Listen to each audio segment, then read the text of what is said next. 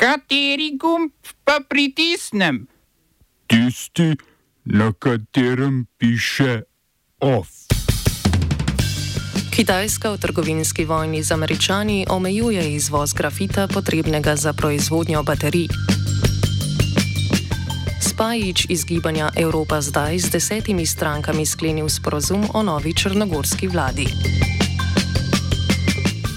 Britanski torici izgubili še dva zagotovljena sedeža v parlamentu. Italija na mejo Slovenijo pošilja dodatnih 350 policistov in vojakov.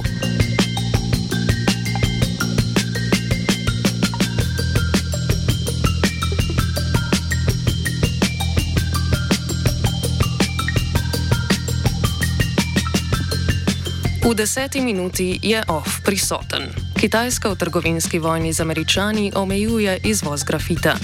Omejitev bo začela veljati 1. decembra, ko bodo izvozniki grafita morali pridobiti dve dovoljenji za izvoz sintetičnega in naravnega grafita, ki se uporabljata predvsem za proizvodnjo baterij.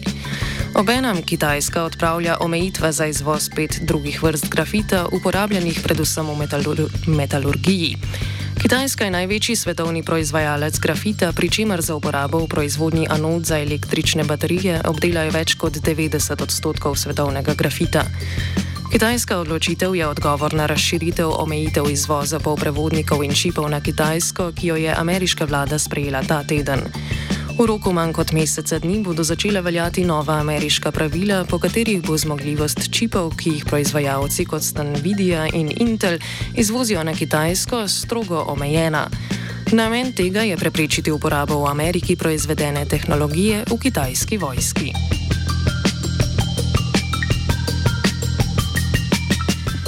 Na srečanju s šrilanskim kolegom Ranilom Vikremesingom je kitajski predsednik Xi Jinping otoški državi obljubil dodatno pomoč pri ekonomskem okrevanju po lanskem gospodarskem kolapsu. Napovedal je povečanje uvoza Šrilanke brez političnih pogojev in spodbujanje kitajskih investicij na otoku.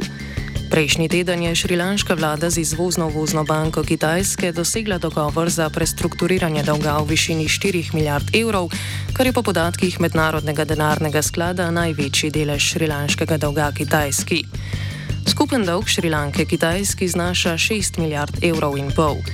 Dogovor o prestrukturiranju dolga do kitajskega posojilodajalca je bil eden izmed pogojev Mednarodnega denarnega sklada za posojilo Šrilanki, težko 3 milijarde evrov. Pred letom in pol je Šrilanka razglasila bankrot, razlog za to pa je bilo pomankanje tujih valut za poplačilo dolgov.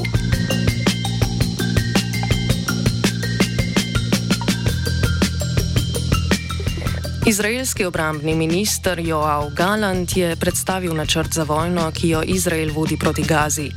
Načrtujejo tri stopnje vojne, pri čemer bo prva stopnja namenjena usmrtitvam članov palestinskega Hamasa in uničenje infrastrukture, v drugi stopnji bodo zato boji manj intenzivni, v zadnji stopnji pa je napovedal vzpostavitev novega varnostnega režima v Gazi.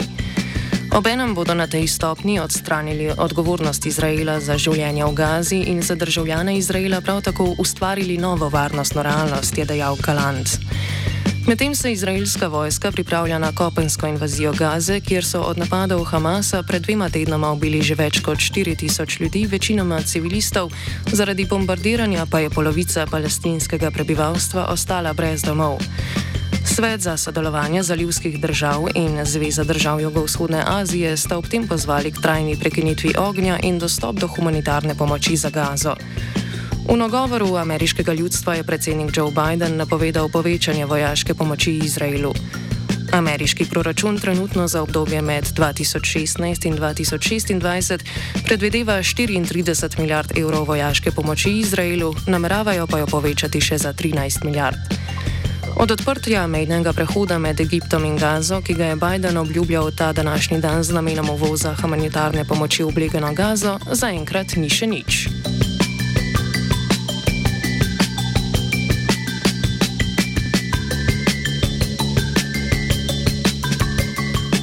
Na britanskih umestnih volitvah so laboristi v dveh zgodovinsko-torijskih okrožjih pridobili dva sedeža v parlamentu.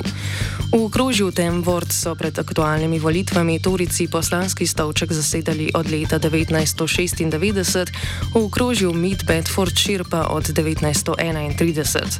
V Temvordu se je od Toricev k laboristom premaknilo skoraj 24 odstotkov voljivcev, kar je drugi največji premik v Združenem kraljestvu od konca druge svetovne vojne. V Mid Bedfordshireu je bil premik malo manjši, 12,4 odstoten, a so 10,5 odstotka glasov torej sem pobrali tudi liberalni demokrati. Od prejšnjih volitev v teh okrožjih je padla tudi volilna udeležba, česar pa v konzervativni stranki premijeja Rišija Sunaka ne razumejo kot podpora laboristom, temveč le, le nezadovoljstvo z aktualnima poslancema.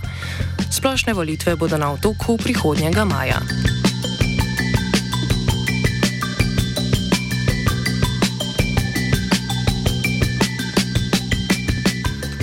Črna Gora po junijskih volitvah dobiva novo vlado. Na volitvah je zmagalo gibanje Evropa zdaj, katere vodja Milojko Spajič bo postal premijer, koalicijski dogovor je sklenil z desetimi strankami.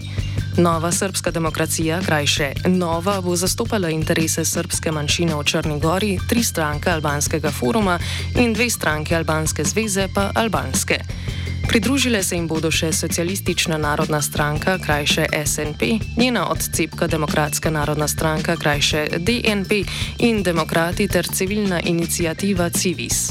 Predsednik parlamenta bo po dogovoru Andrija Mandič, katerega koalicija za prihodnost Črne Gore bo v parlamentu naslednje leto le podpirala manjšinsko vladno koalicijo.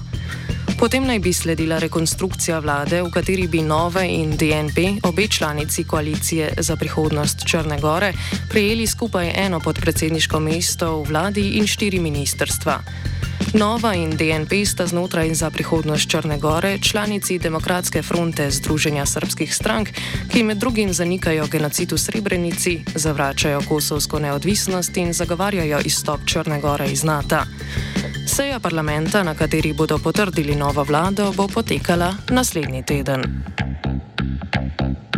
Smo se osamosvojili, nismo se pa osvobodili.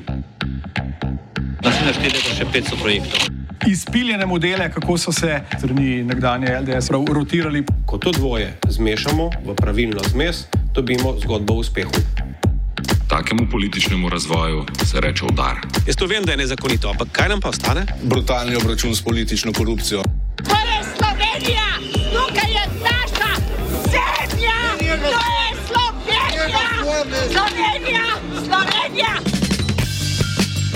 policijske uprave Ljubljana so sporočili, da so jih organizatorji včerajšnjega shoda v podporo Palestini obvestili o prejemu grožnje s terorističnim napadom. Zaradi grožnje je bil shod okrbljeno varovan, prijavo pa, kot pove tiskovni predstavnik policijske uprave Ljubljana Tomaš Tomaževič, še obravnavajo. Lahko povemo, da smo v tem tednu prijeli prijavo organizatorja javnega shoda, ki je včeraj potekal na Trgu Republike da so pred shodom prijeli pisno grožno o izvedbi turističnega napada. Takoj so seveda stekle aktivnosti policije in policisti so včeraj prijeli 20-letnega osumljenca, ki je ogrozil s temi dejanji. Osumljenemu so odzeli prostost zaradi suma kaznivega dejanja terorizma. Glede tega zbiranja obvestil še poteka, intenzivno zbiranje obvestil še vedno traja, zato vam kakšne podrobnosti o samem kaznivem dejanju zaradi interesa preiskave ne moremo pojasnjevati. Lahko pa povem, da obsumljenec do sedaj še ni bil obravnavan za kakršnokoli kaznivo dejanje. Tako zaradi nastalih razmer v Evropi, v svetu, tudi glede te informacije o tem napadu, so bile seveda včeraj policiji znane aktivnosti in tudi te aktivnosti so v policiji potekale um, na seveda povečan način, v prisotnih je bilo več policistov. Za nadzor meje med Slovenijo in Italijo, ki se začenja jutri, prihaja na mejo dodatnih 350 italijanskih policistov in vojakov. 140 jih bo nastanjenih na Tržaškem, 110 na Videmskem in 75 na Goriškem, na mejnih prehodih pa bodo nadzorovali mednarodni in obmejni promet. Na italijanskem notranjem ministrstvu so pojasnili, da bo na večjih mejnih prehodih vzpostavljen 24-urni nadzor, na manjših pa bo občasen. Fizičnih ovir na meji ne bodo uporabljali. Poostren nadzor bo potekal vsaj 10 dni, obstaja pa možnost podaljšanja do 6 mesecev. Podobno bodo italijani nadzor povečali na mejah z Avstrijo in Švico, Slovenija pa na meji s Hrvaško in Mačarsko.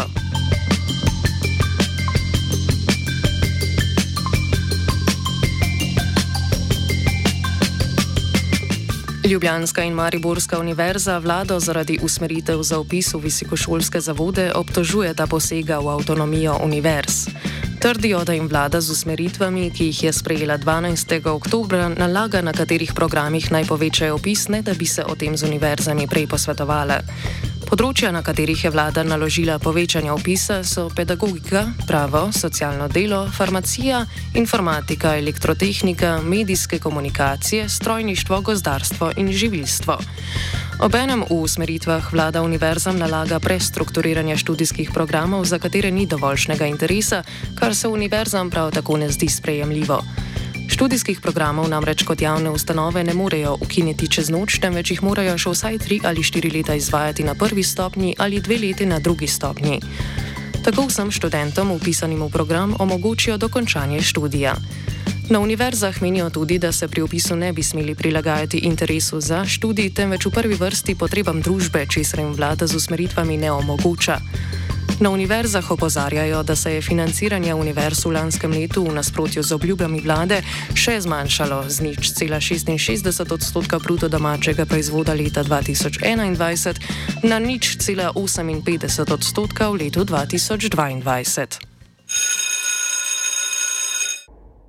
Akademskih 15. Včeraj ob 19. uri je v prostorih študentskega kampusa potekala osma redna seja študentskega zbora Šov v Ljubljani. Na seji so poslanci soglasno sprejeli resolucijo o izgradnji novih študentskih domov in obnovi obstoječih kapacitet. O resoluciji bomo podrobneje poročali po vzetku seje prihodnji teden. Seje študentskega zbora smo na radiju študent v prejšnjem mandatu 2020 do 2022 in do junija v letošnjem letu prenašali, a je bilo postavljanje opreme za prenos večkrat oteženo. Tokratne seje radio študent ni mogel prenašati, saj nas je predsednik študentskega zbora Matej Igličar obvestil, da je slišal, da je skupina poslancev umaknila soglasje k prenosu sej. Rok Dolins, predsednik študentskega zbora v prejšnjem mandatu, je na konstitutivni seji trenutnega zbora 9. novembra lani kot eno od novosti njegovega mandata izpostavil ravno prenos seje v živo in se zahvalil radiju študent, ki je ponesel seje in delo študentskega zbora v vse študentske sobe širom Ljubljane in Slovenije.